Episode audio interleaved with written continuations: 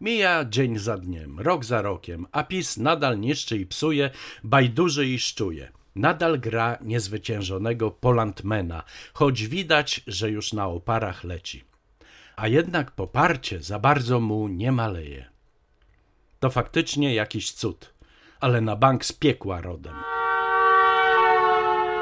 Prasówka tygodniówka pod redakcją Tamary Olszewskiej 17-23 października 2022 roku. Czyta Piotr Sobieski. W Łomży odbyła się uroczystość nadania imienia Studium Życia Rodzinnego. Patronem został biskup Stefanek, który stworzył to studium i jak zaznacza obecny biskup łomżyński Janusz Stepnowski, interesował się tematyką rodziny i swoje życie poświęcił tematyce rodziny. Oj, faktycznie interesował się, dbał, szczególnie wtedy, gdy zamiatał pod dywan przypadki pedofilii w swojej diecezji. Jak widać, fakty swoje, kościół swoje. Wciąż ślepy, wciąż głuchy, wciąż pełen hipokryzji, wciąż idzie w zaparte. Morawiecki wyrasta na pierwszego naiwniaka Rzeczypospolitej. Już niedługo, już za chwilę, ponownie wystąpi do Brukseli o wypłatę należnej nam kasy z KPO. Jest przekonany, że ją dostaniemy. Gdyby jednak zablokowano nam te pieniądze, to on i cała Polska są gotowi, by walczyć o praworządność i upominać się o te pieniądze. On i praworządność. Koń by się uśmiał. Z wielkim przytupem nierząd powołał w grudniu 2021 roku Instytut Spraw Wojennych, który ma się zająć m.in. reparacjami od Niemiec. No cóż, chwilowo jedynym chyba sukcesem tegoż organu jest wysokość pensji dla zatrudnionych w nim ekspertów. Dyrektor dostaje około 20 tysięcy złotych, a członkowie rady po 5 tysięcy złotych miesięcznie. No cóż, mnie by się też taka kasa za nic przydała. To nie żart i nawet Bareja by tego nie wymyślił. Lasy Państwowe powołały do życia zespół duszpasterski.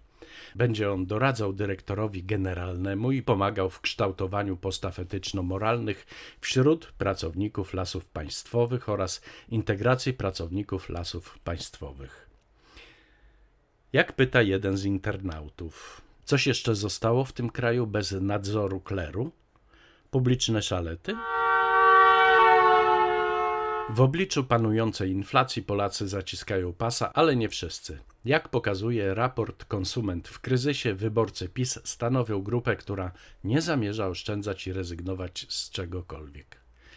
Znaczna ich część, ślepo zapatrzona w prezesa i nierząd, jest przekonana, że władza świetnie panuje nad sytuacją, a w razie potrzeby zapewni kolejne transfery socjalne lub wprowadzi kolejne działania osłonowe. Im jest dobrze, są zadowoleni i z optymizmem patrzą w przyszłość. A co ja na to? A ugryzę się w język. PiS szaleje, demoluje co się da, zmienia w ruinę, a jednak duch w narodzie nie ginie.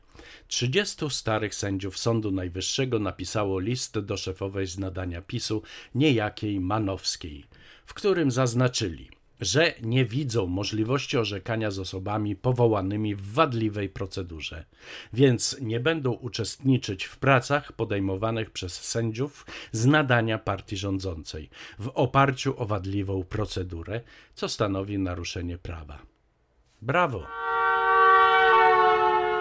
Czarne kostro depcze resztki polskiej edukacji. On ma w głowie tylko jedno katolizację oświaty. Właśnie zakończył się pierwszy etap konkursu na innowacje w oświacie i z niemal 60 milionów złotych ogólnej kwoty aż ponad 55 milionów trafi do szkół prowadzonych przez diecezje, zakony czy katolickie stowarzyszenia. A reszta?